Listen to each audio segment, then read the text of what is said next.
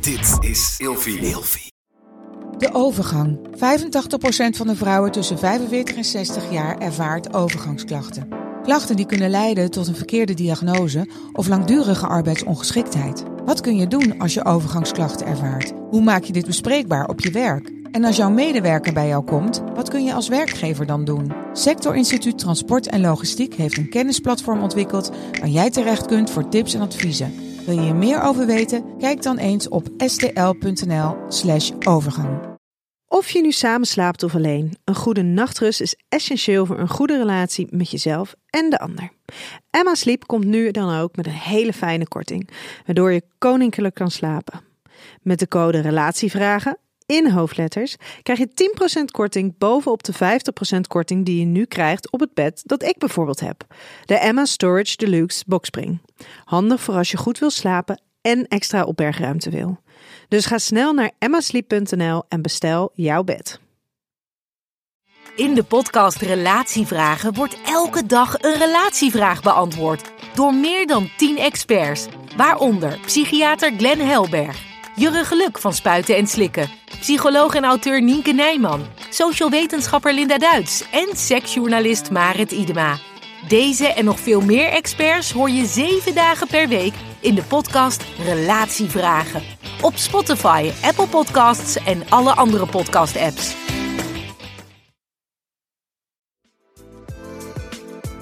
Dat zie je nu bijvoorbeeld heel erg met Miljuska. Ja. Ik vind Miljuska vind ik echt, ik vind het een prachtige Oh, ja, vrouw. Ik ook, ik ook. Ja, gelukkig Maar dat jij dat ook zegt. Continu, als ze nu ergens aan tafel wordt gehaald, gaat het erover dat zij voller zou zijn. Ja, en dat maakt wel, dat geeft ook weer een vertekend beeld. Want Ja. ja, ja dat is wel kut.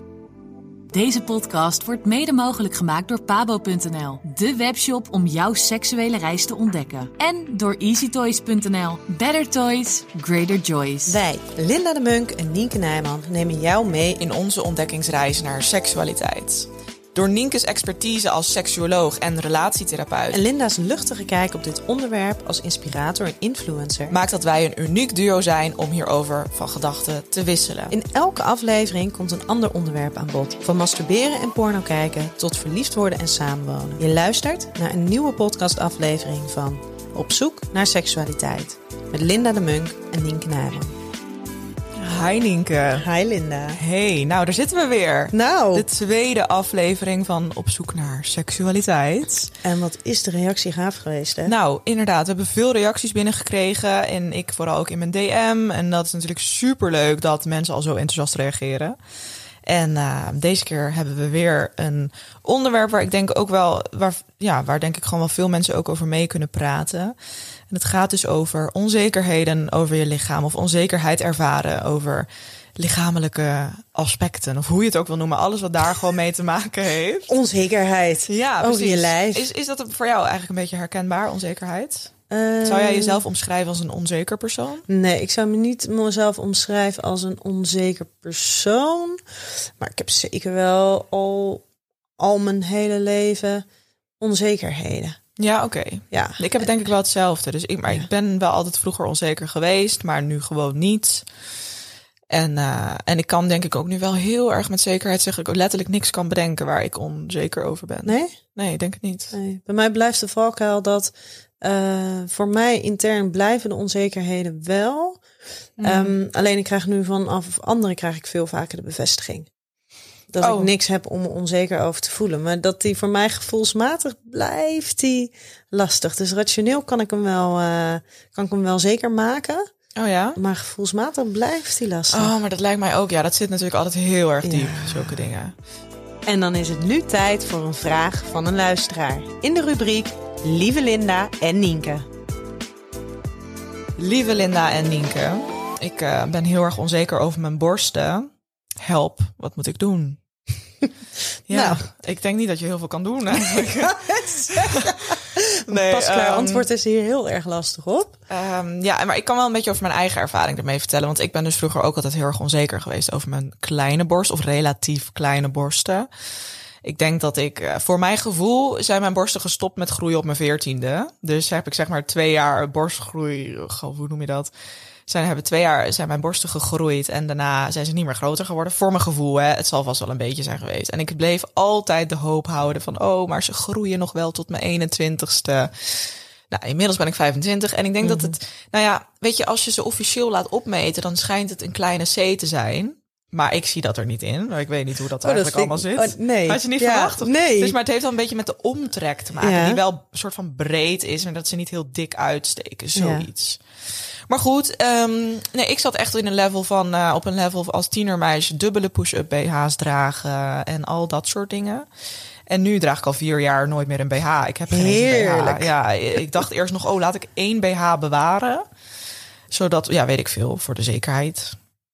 Gewoon eh, als, ik, als ik een keer een, een zakelijk iets zou hebben. Maar nu denk ik echt, ja, doei, hallo. Eh, mijn mijn ehm, soort van trademark is gewoon BH-loos door het Ik leven wou net zeggen, jij hebt natuurlijk het ook wel zo gefaciliteerd voor jezelf dat het ook een beetje je trademark is geworden. hè? Ja, dus dat ik, dat ik niet bang hoef te zijn eh, voor, voor dat op, op professioneel gebied dat dat dan erg zou zijn of zo. Maar ehm, nee, goed, ik, ik denk, wat ik heel vaak denk bij onzekerheden, en dat probeer ik mijn volgers vaak ook mee te geven, is dat naarmate je ouder wordt, wordt het vaak wel beter. En dat je je moet realiseren dat vooral die onzekerheden die je ervaart als tiener, en misschien vooral, als, nou niet vooral als tienermeisje, maar wat ik ervaarde als tienermeisje, die zijn allemaal weggegaan naarmate ik 20, eh, de, eh, 2021 werd. Dus eh, ik, ik denk dat dat een beetje zo werkt dat hoe langer je met jezelf leeft, en hoeveel meer jaren je in je eigen lichaam leeft, hoe meer je gewend raakt aan bepaalde aspecten van je lichaam en die dus leert accepteren. Ja. Kan jij dat ook zo zien? Of hoe eh, Nou, is dat bij jou? Eh, ja, over die borsten kan ik dus helemaal niet naar in in in Nee, vertel even jouw verhaal. Hoe is jouw relatie met je borst? relatie met mijn borsten. Ja. Nou, die is nu heel goed. Oké. Nee, ik heb eh, ik had dus echt in ehm, in de eerste klas had ik al een cup E. Mm. Weet je, dus als je het hebt over ondergoed of over be- eh, zeker bikinis. Bikinis moesten allemaal op hand gemaakt worden. Dat was echt dat was verschrikkelijk. Oh, wat? Ja, Wow. was je gewoon 150 euro kwijt voor een bikini of zo. Oh, ja. Ja, dat was, dat was echt niet leuk. En met, ik sportte heel veel. Maar dan moest je dus gewoon echt van de hele goede sport-BH's... ehm, moest je er gewoon twee over elkaar hebben. Oh. Wil dat een beetje allemaal op zijn plek blijven zitten. Maar toen eh, heb ik heel erg, eigenlijk heel erg onverwacht ineens... En dat is... Ik, snap nog steeds, ik heb het laatst aan mijn, aan mijn moeder gevraagd. Dat is echt ineens gegaan dat ik een borstverkleining kreeg. Ineens was het zover en ineens kreeg ik een brief. Huh, hoe gaat dat dan? Huh? Nou, eh, eh, mijn, mijn vader werkte in het ziekenhuis en een eh, collega van hem, chirurg, die zou, die zou volgens mij met pensioen gaan. En toen hadden de mannen onderling eens besproken dat ik daar eens langs zou moeten gaan in het ziekenhuis. Dus ik heb die, ik heb die arts toen gezien. En ik dacht gewoon, er wordt gewoon even gekeken. En tegen die tijd had ik cup I, Wow. omvang 75, cup I. Nou, en Ja. ik ben 1,64, dus ik ben niet zo heel erg lang. Nee. Ehm, dus dat was gewoon wel vrij fors. Ja. En ehm, ik sportte altijd heel veel in de zomer. Dus ik was eigenlijk heel de zomer. Dit was in juli. Toen was ik eigenlijk heel de maand augustus was ik weg. En toen kwam ik op 30 augustus kwam ik thuis. En toen lag er een brief dat ik op 20 september in het ziekenhuis moest zijn voor die Oh. operatie. Huh, maar ik snap nog steeds niet hoe dat nou tot stand ja, ik komt dus dan. ook nog Oh, steeds niet huh? helemaal. Oh. Maar kennelijk had de chirurg, chirurg had gedacht dat het eh, medische noodzaak was. Oh ja, zo gaat Ja, dat dan. dus ja. toen eh, moest ik ineens moest ik naar het ziekenhuis, want dat was mijn eindexamenjaar. Dat, dus dat Oh. moest allemaal ineens geregeld worden. Want was je, was je dan 18 of zo? Een 17. Ja, oké. Ja. Ja. Ja. Maar ja, ik moest ineens regelen dat ik wegkom van school. En dat het, eh, we wisten nog niet wat voor, voor nasleep het zou hebben eh, met de narcose. Mm. Dus eh, ja, en toen ging ik naar een cup C. En eigenlijk binnen drie, vier maanden zat ik alweer op een cup E.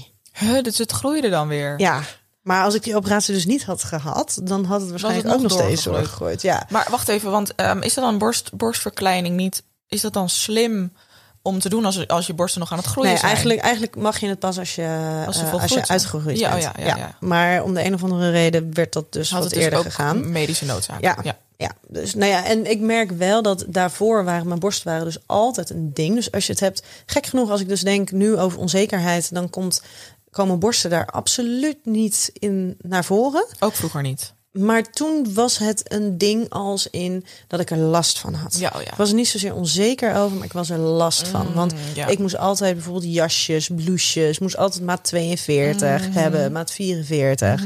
eh, omdat het anders gewoon niet dicht paste. Nee, precies. Weet je, dus dat was, ik had er meer last van in die zin dan dat ik er onzeker over was. En onzeker was ik meer over, over andere dingen. Oké. Ehm, weet je, maar het is. Dat is dus dat stukje over borsten, waarbij ik denk dat iedereen zijn issues heeft met borsten totdat je ze niet meer hebt. Hè, totdat je die Oh. issues niet meer hebt. Oh, zo, ja. Want ehm, iedereen die wil, heeft een bepaald beeld van, van hoe borsten eruit zouden moeten zien. Mhm. En bij heel veel mensen is bij heel veel mensen, bij heel veel vrouwen, is dat gewoon niet zo. Is dat gewoon niet het geval. Mhm. Wel goed dat je mensen zegt, maar gewoon mensen Ja. met borsten. Ja, Niet per se met borsten, vrouwen. Nee. Ehm, maar de, de, ja, weet je, ze zien er heel vaak gewoon anders uit dan het, het beeld wat vaak geschetst wordt.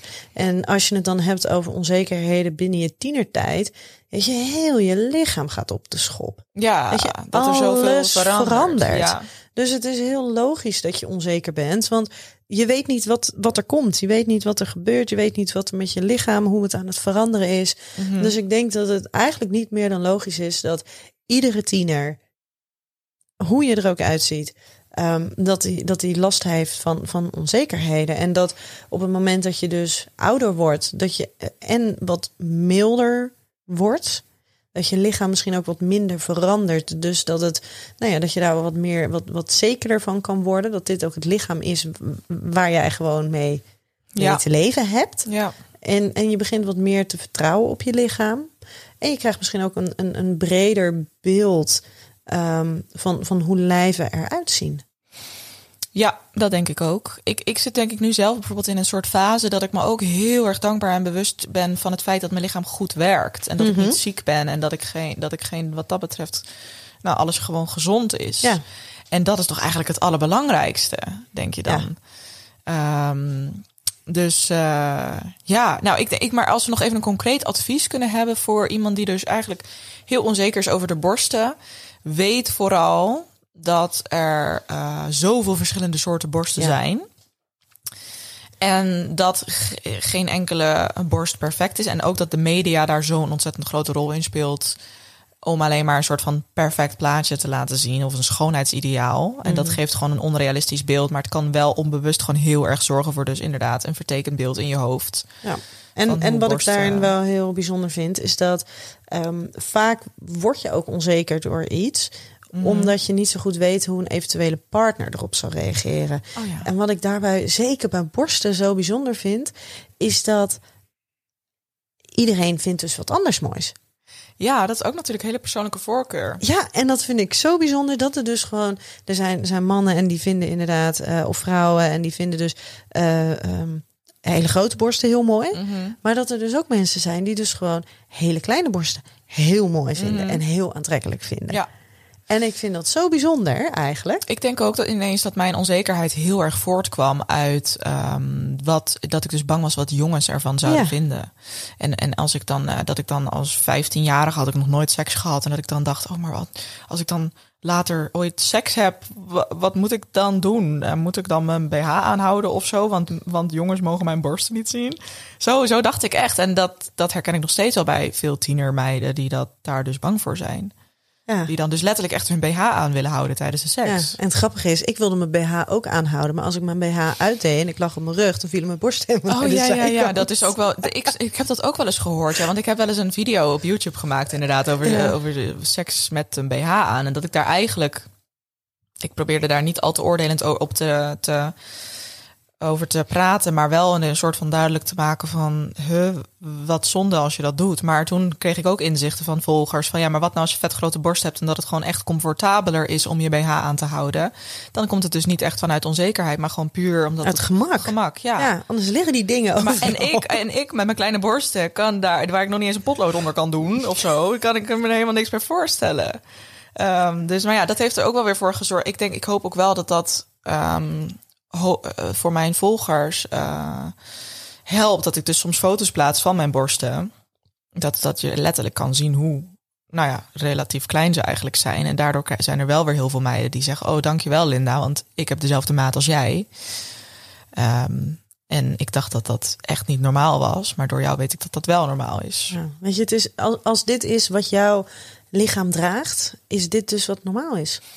Ja. Zeker als het gaat om, om borsten. En ik wil nog wel een kleine aantekening maken, want er zijn natuurlijk eh, ook wel eh, mensen die hebben hele erg ongelijke borsten. Oh ja. Waarbij het dus bijvoorbeeld gewoon echt drie cupmaten kan schelen. Oh ja. En ik kan me heel goed voorstellen dat dat wel een andere vorm van onzekerheid met zich meebrengt. Maar meer omdat het ook ongemakkelijk is, want met een BH zoeken en dat soort dingen Ja, lijkt dit het is nog ontzettend moeilijker. onhandig. Ja, onhandig. Ehm, maar weet je, maar mocht het zo zijn dat er, dat er van dit soort situaties sprake is, eh, dan kan je inderdaad altijd kijken of er nog medische, ehm, medische ingrepen mogelijk Oh, zijn. precies. Goed dat je dit zegt. Want, maar verder is het ook belangrijk om je te realiseren dat eh, borsten geen tweelingen zijn, maar Ze zijn zusjes. altijd, ze zijn altijd verschillend. Ja. En als je dus een borstverkleining hebt gehad, heb je wellicht de mazzel dat ze ze mooi recht hebben getrokken. Oh ja, precies. Zijn ze bij jou allebei, allebei precies even groot dan? Ja, volgens mij wel. Oké. Ja, ja, Oh, ja, ja, ik zie bij mezelf ook niet zoveel verschil. Het zal er vast zijn. Nou maar, moet ik eh, zeggen dat ik niet zo'n enorme borstenkijker ben of Nee? borstenonderzoeker ben. Nee. Oh, grappig. nee, maar volgens mij zijn ze wel inderdaad echt helemaal gelijk. Oh, nou. Ja. Maar ja, ik weet niet of dat per se beter of slechter is. Dat weet ik ook niet. Nee. Het is meer, ja, Toevallig. toevallig Ja, zo. precies. Oké, nou, ik denk dat Het is niet hier- trouwens, het, en het is niet de norm. Want ze zijn dus normaal gesproken horen, nou ja, horen. Ik denk wel dat ze zijn borsten niet zo goed ongelijk- borsten. Nee, maar ik denk dat ze ongelijk horen te zijn. En dat eh, vooral jonge meiden dus zich dat echt even goed moeten realiseren. Want de, die zijn denk ik nog wel eens dat ze denken... "Huh, ben ik niet super raar nu met een ongelijke borst of zoiets. Ehm, ja, goed. Oké, nou ik denk dat dit eigenlijk al wel een heel goed advies is. En ik hoop dat de luisteraar hier iets over heeft. Ik hoop het ook. De vijf stellingen van deze aflevering. De eerste stelling. Nou, en ik heb deze keer wat stellingen bedacht. ben over benieuwd. ehm, lichaam en, en onzekerheid. En de eerste hebben we misschien net ook al een beetje kort genoemd. De eerste stelling is: de media houdt een eh, bepaald schoonheidsideaal in stand. Denk jij dat dat zo is? Ja, maar. Oh, oké, oké, vertel. Nou, ik denk dat zeker als je kijkt naar de, eh, de, de tijd waar wij nu in leven, dat we bijvoorbeeld door eh, social media, door Instagram, dat we ook wel een heel erg divers aanbod krijgen van, van mensen, van lijven, van, hè, van, van alles. En dat is denk ik wel heel mooi van eh, social media, dat dat dus ook kan. En dat dus inderdaad mensen met een, met een ander geluid dan misschien de mainstream media, dat die hier wel een heel mooi platform krijgen. Ja. En als je het dan hebt hè, over, over de, de, de woorden van eh, body positivity en ehm, nee, dat, dat dat wel veel meer tot uiting komt. Ja, dus ehm, je bedoelt eigenlijk dat, dat eigenlijk, nou ja, dat influencers daar gewoon ehm, best wel positief aan kunnen bijdragen aan een diverser beeld. Ja, ja. En wat je, als je dan kijkt, hè, de mainstream media, dus dat is misschien een beetje meer de tv Ja, en kranten misschien en de ook. krant. Ja, Ja, ja. kranten doen, ja, ik weet niet. Kranten kranten al iets doen. minder, hè? Ja, die laten natuurlijk al een ander beeld zien. Die laten meer tekst dan beeld zien. Ja, Maar als je dan kijkt naar, naar de mainstream mm, tv, ehm, daar denk ik wel nog dat het voor een heel groot gedeelte wel oh, en bladen. en bladen, dat Ja. dat wel nog wel echt wel bijdraagt aan, aan een bepaald ehm, eh, lichaamsideaal. Ja. En wat ik daarin dus ook weer eigenlijk een beetje jammer vind, is dat als ze dus iemand ehm, in, in een programma hebben die bijvoorbeeld, dat zie je nu bijvoorbeeld heel erg met Miljuska. Ja, Ik vind Miljuska vind ik echt, ik vind het een prachtige Oh, ja. vrouw. Ik ook, ik ook, ja. Gelukkig Maar dat jij dat ook zegt. Continu, als ze nu ergens aan tafel wordt gehaald, gaat het erover dat zij voller zou zijn. Ja, en dat maakt wel, dat geeft ook weer een vertekend beeld. Want Ja. ja dat is wel kut. Want het, het, is, het is een prachtige vrouw. Ja, Ehm, en zij heeft gewoon een normale ze maat. heeft gewoon een normaal lijf. Ze heeft Ja. geen maatje 34. Maar waarom moet je dan iemand continu in de Ja. spotlight zetten om het feit dat ze geen maatje 34 heeft? Ja, Dus ik vind absoluut dat zij een podium verdient eh, voor de boodschap die zij Ja. uitdraagt. Maar ik vind het dan ook wel weer heel lastig dat zij continu in dat licht wordt getoond.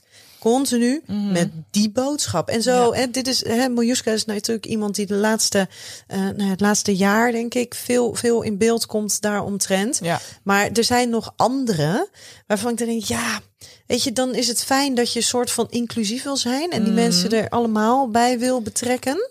Ja. als het ware. En iedereen een podium wil geven. Maar laat het dan niet continu gaan over eh, het begrip inclusiviteit. Laat het dan niet continu gaan over iedereen mag er zijn en elk maatje mag er zijn. Maar waar moet het dan over gaan? Gewoon over alledaagse onderwerpen. Want het zijn gewoon mensen met, met, met een verhaal. Met, Ja, oh ja, op die manier. Ja, precies. Ik heb toevallig de eerste aflevering gezien van Eerlijke Foto. Haar, ehm, die aflevering van die serie waar ze, waar ze dan... eh, ja, want ze post dan een foto op Instagram met hashtag Eerlijke Foto. Ja. Dat is nu een beetje haar ding. En daar gaat dus de serie, eh, docu-serie ook over. En daar wordt zij dus ook wel kritisch aangesproken door iemand van de Body Positive Movement. Dat dat ook wel ehm, van oorsprong weer te maken heeft met vooral zwarte volle vrouwen die ehm, niet geaccepteerd werden. En dat zij dat Miljuska alweer aangesproken werd op ja, maar jij bent gewoon een witte vrouw die best wel volgens het schoonheidsideaal. eh, en dat vind ik dan ook weer niet goed. Want Miljuska heeft ook haar eigen persoonlijke strijd gehad met het accepteren van Ja. haar lichaam.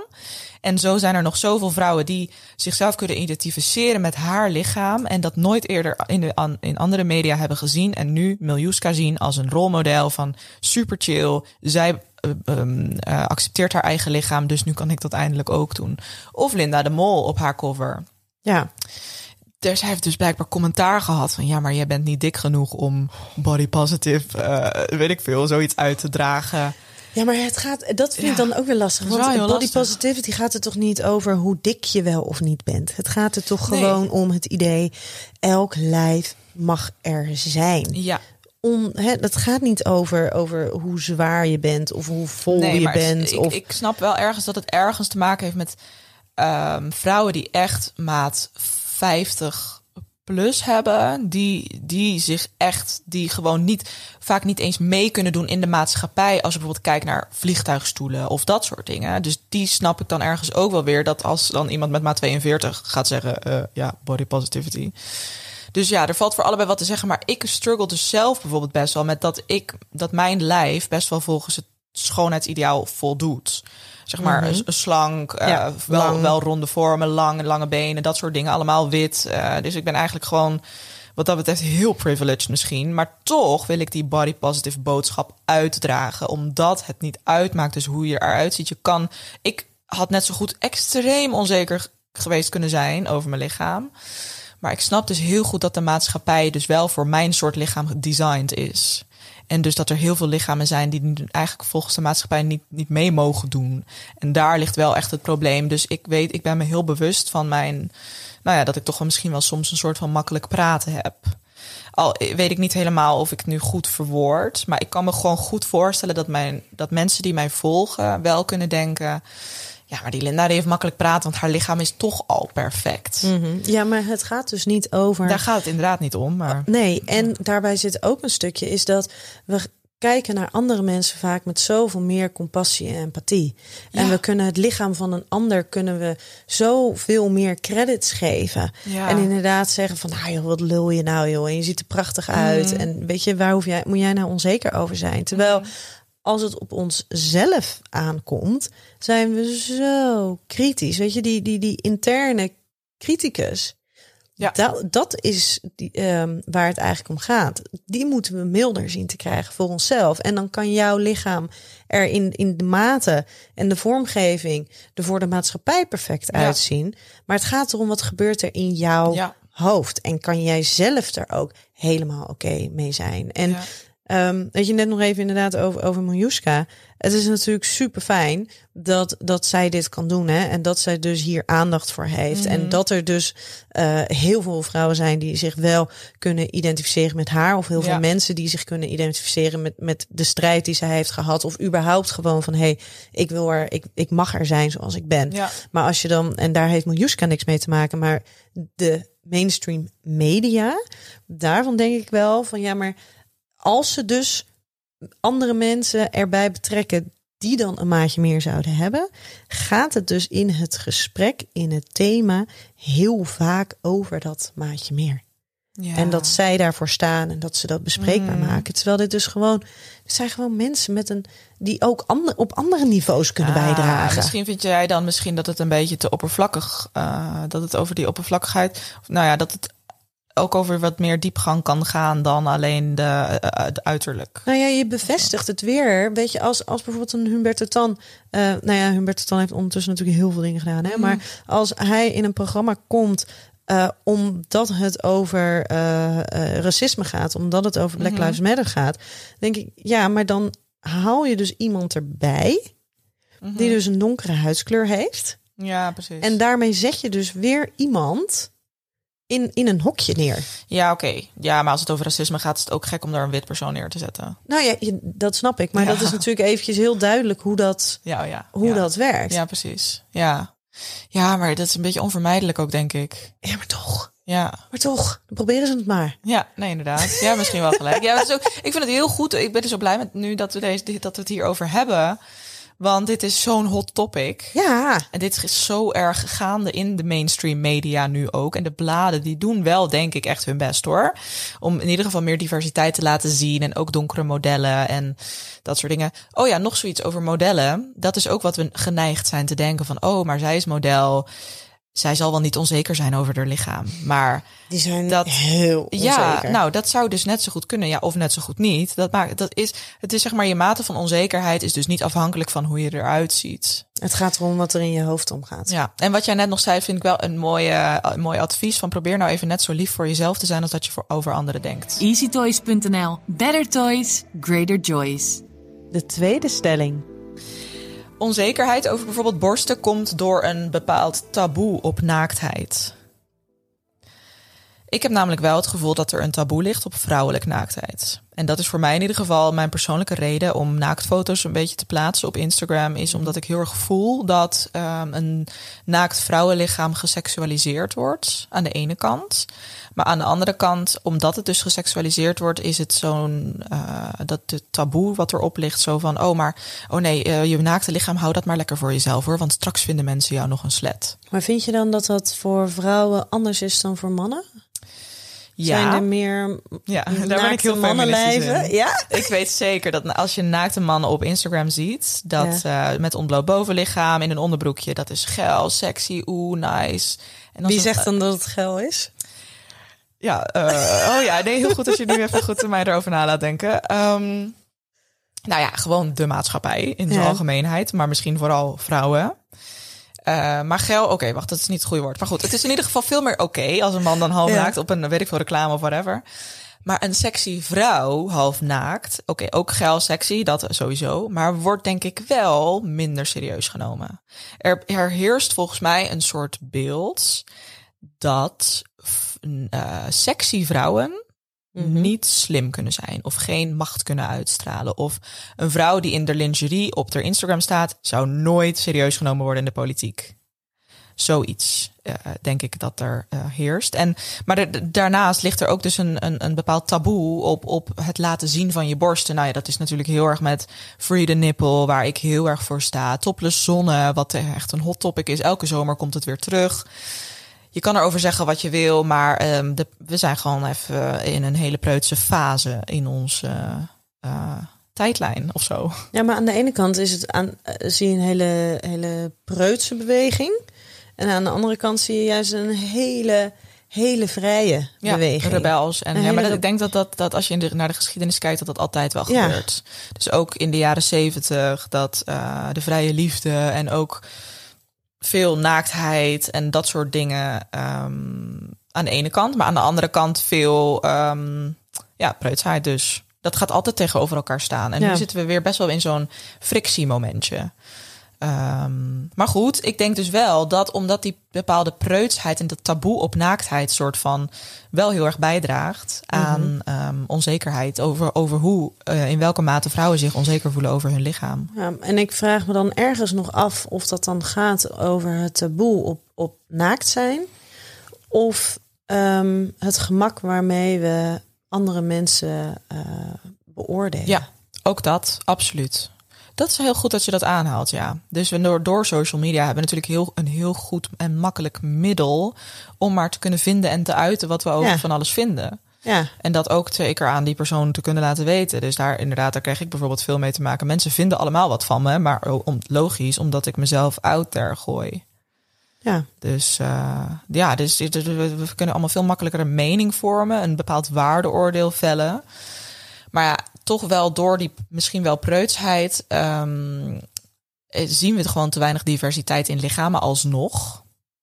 Aan de ene kant is die er natuurlijk wel, maar als je er niet specifiek naar zoekt, vind je het niet. Nee.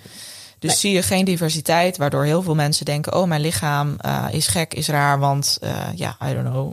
Uh, omdat je het gewoon niet ziet. Ja, en dat is wel iets, zeker ook binnen de seksologie, weet ik dat ze daar wel meer mee bezig zijn. Maar ook het opstellen van boeken met allemaal uh, afbeeldingen van vulva's of Oh ja, van uh, super. penissen. Ja. Om op die manier, ik weet trouwens niet of dat ook met borsten wordt gedaan. Er zijn over het Hmm. algemeen, denk ik, afbeeldingen van diverse borsten iets makkelijker beschikbaar dan van penissen en van vulva's. Gewoon goede, mooie afbeeldingen. Ja, nee, inderdaad. Echt in, in, je bedoelt in studieboeken of zo. Ja, studieboeken, maar ook gewoon een soort van, uh, van fotoboeken. Ja, ik weet nog wel. Ik heb dus ooit wel meegedaan aan een shoot voor de Linda Meijden. Met dan acht Ja. verschillende vrouwen en acht verschillende borsten dus. Dus daar zat enigszins. Maar dan hebben ze toch weer op de cover de perfecte borst neergezet. Ja. Ja. Ja, Dus uh, dit was dan echt alleen een- zo'n zo'n foto van mijn borst. Ik weet nog, op die dag was het vet warm. Dus ik kreeg mijn tepels niet stijf. En dat vond ik dan niet zo mooi. Want ik vind mijn borsten mooier als gewoon mijn tepels stijf zijn. Maar goed, uh, in ieder geval even een leuke side anekdote. Maar um, nou, dus, dus, dus die mainstream media proberen hier en daar wel wat eraan bij te dragen. Of bijvoorbeeld het poezenboek. Ken je dat? Ja, dat zijn ja, zeker. afbeeldingen van Ja. front.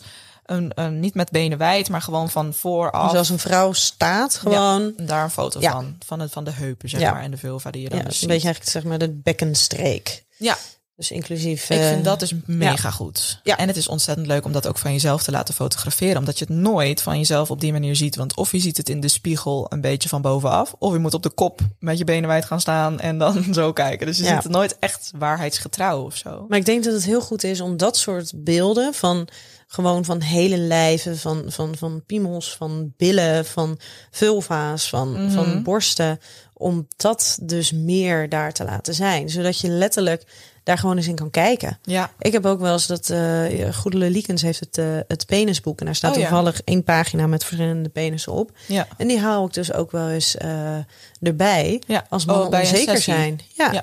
als mannen onzeker zijn hoe hun penis eruit ziet. ja. Dat ik dat gewoon erbij pak. En dan zeg ik, nou, dat is, dit is een beetje de diversiteit. Oké. Ja, dat is. eh ehm, ik, ik denk ook inderdaad dat dat ook op scholen misschien weer scholen weer moet gebeuren. Maar ja, de seksuele voorlichting op scholen mag sowieso een beetje op de schop, hè?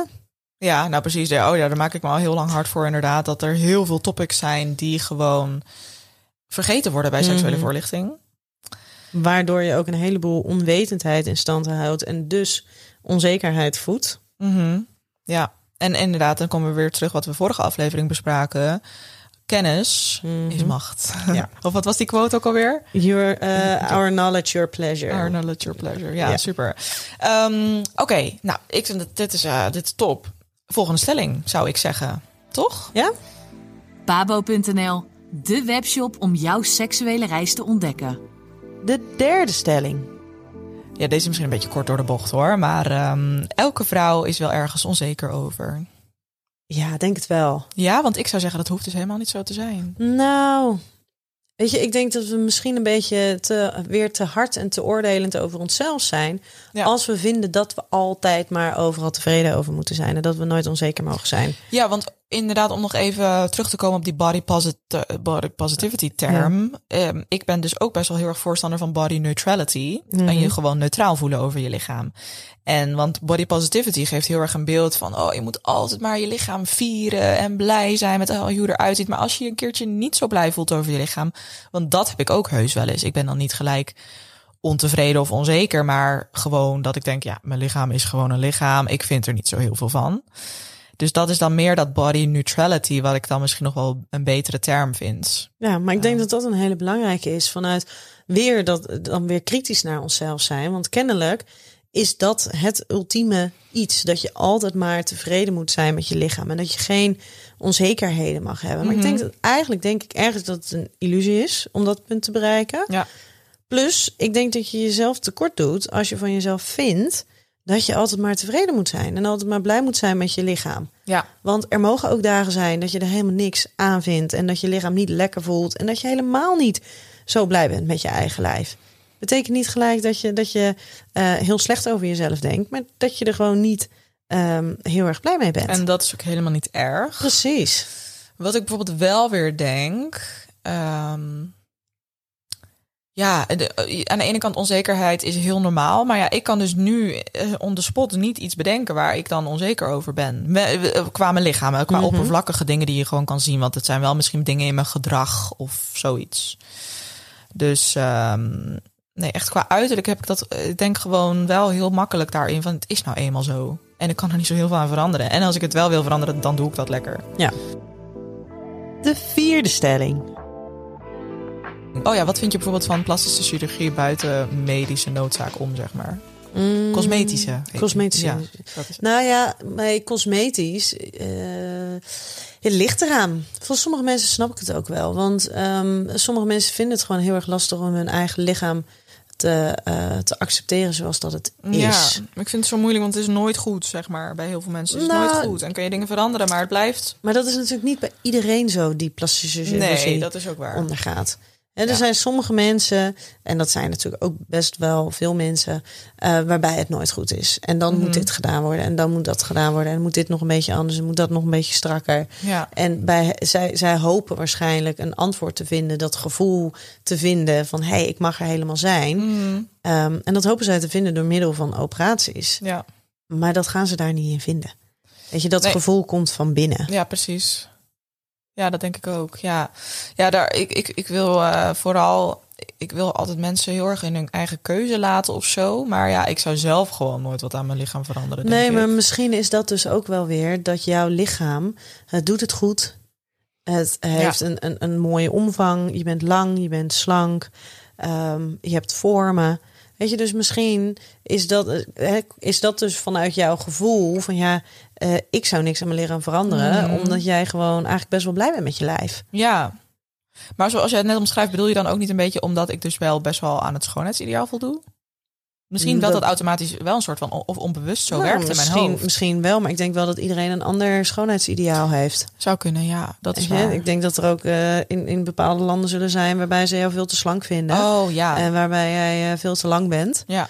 Ehm, weet je, dus dat is Hmm. natuurlijk een beetje je definitie van wat is jouw schoonheidsideaal. Ja, ja, ja, ja, ja, maar dat is natuurlijk ook wat we bijvoorbeeld in de vorige aflevering allemaal bespraken. Heeft heel veel te maken met hoe wij dat bij ons in onze cultuur is aangeleerd, zeg maar. Ja, wat jij vindt, vindt Ja. en voelt wat dat is. Ja. Maar dat komt wel vanuit, vanuit een bepaalde cultuur en opvoeding. Eh, dat komt in ieder geval ergens vandaan. Ja. Ja, ja, ja. ja. ja. heeft heel veel invloeden in ieder geval. Maar ehm, ja, oké, oké. De vijfde en laatste stelling. Dit is, oh, dit is wel een goede, goed vervolg op wat je net zei. Het wordt ons, en dan bedoel ik misschien vooral vrouwen, aangeleerd om, een, om negatief over jezelf te denken. Een bepaald negatief zelfbeeld te hebben. Of is het misschien aangeboren? Nee, ik denk niet zozeer denk dat het niet. Het wordt aangeboren is. aangeleerd, denk ik. Ik denk dat het aangeleerd is. En je moet je niet vergissen, er zijn natuurlijk ook een heleboel vrouwen die hebben hier helemaal geen last van. Hè? Nee, die, precies. Daarom zeg ik dat niet elke vrouw hoeft er Nee. ergens onzeker over te zijn. Nee, er zijn een heleboel vrouwen die zitten verdomde comfortabel in hun eigen vel. En, en Mhm. vinden het helemaal fijn en goed en lekker hoe, hoe ze zijn. Mhm. Ehm, maar ik denk wel dat zeker een stukje aangeleerd gedrag zit in het kritisch zijn Ja. naar jezelf toe. En, en dan wil ik een heel concreet voorbeeld noemen dat je misschien. ehm, ik heb dat wel vaak gehad toen ik bijvoorbeeld nog een normale baan had en in echt eh, collega's had en dan in de lunchpauze en dat het dan ging over eten en dat iemand weer aan het diëten was en dat je altijd wel iemand hoorde zeggen van ja nee oh nee dat mag ik niet eten of eh, of oh nee dit, dit, dit ene vetrolletje moet er nog even af. Nou dat soort dingen dat is toch dat hoor, heeft iedereen toch wel eens om zich heen gehoord of van vriendinnen of van je moeder. Nou, dat vind ik heel erg, want dat creëert een bepaald beeld dat dat dus normaal is om altijd wel iets te hebben om te, te zeuren over je lichaam. Ja, Ehm, ik, ik snap het ergens misschien. Nee, ja, ik snap het dus eigenlijk niet zo goed. Eh, ik weet niet zo goed. Hoe Nee, kijk ik- jij daarnaar? Nou, ik vind het ook wel een, een, een lastige en interessante. Want is het inderdaad, ehm, vrouwen doen het onderling, de vrouwen doen het naar henzelf toe. Vrouwen vergelijken zichzelf met anderen. En soms niet alleen maar ten koste van jezelf, maar ook van, nou ja, moet je die zien en eh, kijk eens hoe goed ik er dan uitzie. Zo en ook, natuurlijk en ook. misschien dus ten koste van, Van een je dochter. Ja. Als je dus een moeder bent. Ja, maar daar zit denk ik ook een stukje in, in dat we, uh, ja, dan zeg ik, ik vind het heel lastig, want ik denk dat, daar, dat het heel complex is hoe dat, Mm. hoe dat tot stand komt. En dat daar en een stuk zit vanuit wat je, uh, wat, wat, wat er vanuit ouders meekomt. Um, wat daar voor boodschappen in zitten, maar ook van klasgenootjes, hoe er überhaupt met voeding en beweging om wordt gegaan, wat daarvan boodschappen worden gegeven. Dus ik denk dat het een heel complex systeem is, wat dit dus uh, in stand houdt. Ja. Weet je, ik heb, ik heb, ik heb een aantal jaren samengewoond met mijn zus, die, uh, uh, nou ja, die daarin wat, wat, wat de lijf heel belangrijk vond en daar niet altijd op een gezonde manier mee, uh, mee omging. Mm -hmm. Maar ik heb daar ook wel in mijn, voor mijn gevoel wat tikken van meegekregen. Oh ja. Weet je, dus dat is bij mij heeft dat ook weer een, een impact gehad. Mm -hmm. Ik heb heel mijn leven heel veel gesport, dus altijd met heel veel vrouwen ook onder de douche gestaan. En het ging altijd over overlijven. Oh ja, precies. Je, Van, dus oh, je- er kan nog wel wat meer af. Of Ja. ehm, hier nog eh, een beetje meer apps. Of dat je dan na de wedstrijd dat je dan dat, dat je dan ging eten en dat het dan was van nee, doe mij maar geen toetje want. Weet je, dus het zit het zit in zoveel kleine boodschappen. Het zit in Ja. zoveel dingetjes Mhm. dat ik me afvraag of er één grote ehm, Boosdoener? boosdoener is. Nee, dit is inderdaad wat jij zegt, een heel complex iets. En ook bijvoorbeeld een klein ding als in dat je mensen vaak hoort zeggen... Oh, wat zie je er goed uit? Ben je afgevallen? Ja, Dat is Dat, echt... hè? Ik probeer me daar steeds vaker bewust van te worden. Want tuurlijk heb ik die opmerking ook wel eens gemaakt. En daar moeten we, dat zijn al van die kleine dingen waar we eigenlijk vanaf moeten. En ik hoop ook echt dat, dat, dat, de, dat de luisteraar nu bijvoorbeeld ook denkt van... oh ja, wacht eens even, daar heb je wel een punt. En daar ga ik ook wat meer op letten. En als we dat met z'n allen misschien wat meer gaan doen... helpt dat ergens wel. Ja, maar we Ah. moeten in ieder geval er bewust van zijn van dat we zelf dus eigenlijk heel kritisch naar onszelf zijn. En dat we dus met diezelfde compassie en empathie de- die we naar anderen Ja. hebben, dat we dat ook naar onszelf toe mogen doen. Maar dat we er dus ook bewuster van zijn dat we dat naar anderen doen. En dat we misschien dat ook wel eens uitspreken naar anderen. Hè? Ja. En, en in wat je uitspreekt, van goh, hey, wat zie je er goed uit, dat je het daarbij laat. In plaats van te benoemen nog eventjes van goh, ben je soms afgevallen? Want daarmee impliceer je dus Dat, Dat- afvallen goed is en aankomen slecht is. Precies. Ja. Ja, dat is Lastig, echt- hè? Dat is zoiets lastigs, ja. Jeetje. Hoe, hoe zouden we er nou voor kunnen zorgen dat vrouwen zich over het algemeen minder onzeker voelen? Of minder, misschien minder schaamte voelen ook? Ehm, Ik denk, al, ik denk natuurlijk al door deze podcast te maken. Dat- dat denk ik ook. Ja. Dat denk ik ook. Maar de- nogmaals, ik denk dus niet dat hier een pasklaar antwoord op is. Nee, en trouwens, Om- ik wil ook nog even zeggen, het heeft ook niet alleen met vrouwen te maken. Nee, nee, nee. Want er zijn dus heel veel mannen die zich ook Ja. heel onzeker voelen over hun eigen lijf. Ehm, maar die soms ook dan weer met dat stukje schaamte zitten. Want vrouwen mogen zich onzeker voelen. En voor mannen werkt Is dat, dat, een toch soort zwakte? Ja, werkt Ja. het toch wat anders. Weet je, jij kan lekker naar je vriendin toe gaan en zeggen van goh, hè, eh, dan moet je kijken naar mijn buik of moet je Ja, kijken, hè, ja. zijn me, ze- zijn me- ik heb toch wel een boller gezicht gekregen of wat dan ook, hè, Mhm. iets.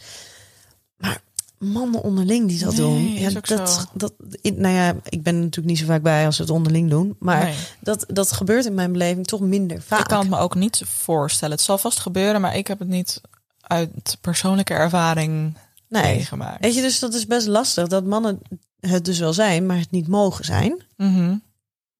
Ehm, dus het, het, maar het zou in ieder geval fijn zijn dat we andere mensen niet onzekerder zouden maken over hun eigen lichaam. Nee. En dat, ze dus, dat wij dus eigenlijk bevestigen wat andere mensen denken van zichzelf. En dat we wat, wat milder naar onszelf toe worden.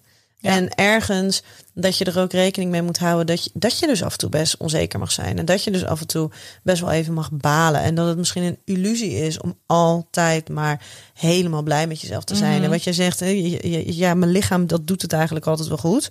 Maar ehm, je, je, je bent ook je eigen ik. En dat is niet alleen je lichaam. Dat is natuurlijk ook inderdaad wat je, wat je doet. Wat je denkt en wat je vindt en wat je voelt. Gewoon je identiteit. je identiteit. Gewoon jij, je ik Ja. als geheel.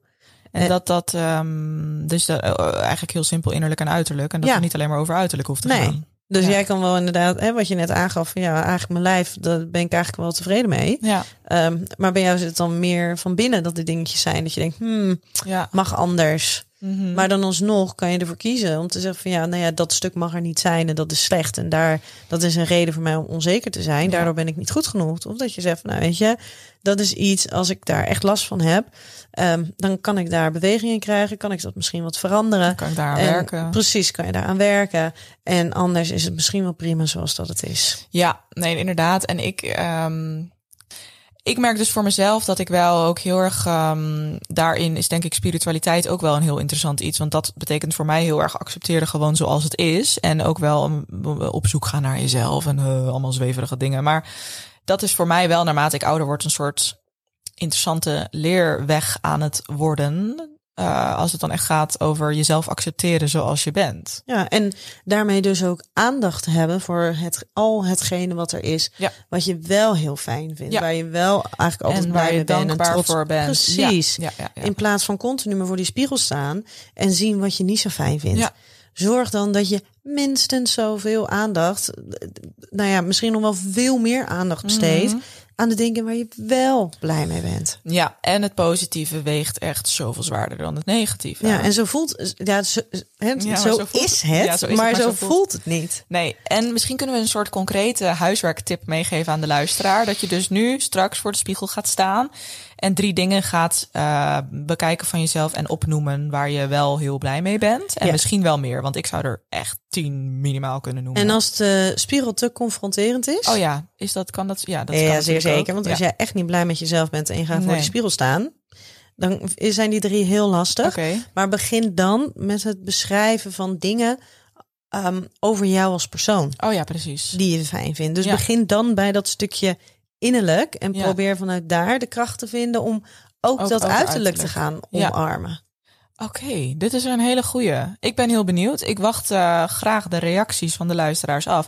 Ook als jij nog ergens advies over wil, stuur het naar ons op via Instagram of lees even in de show notes hoe je ons kan bereiken. Dan horen wij graag jouw vraag of uh, iets waar je mee struggelt en dan beantwoorden we dat gewoon in een van de volgende afleveringen.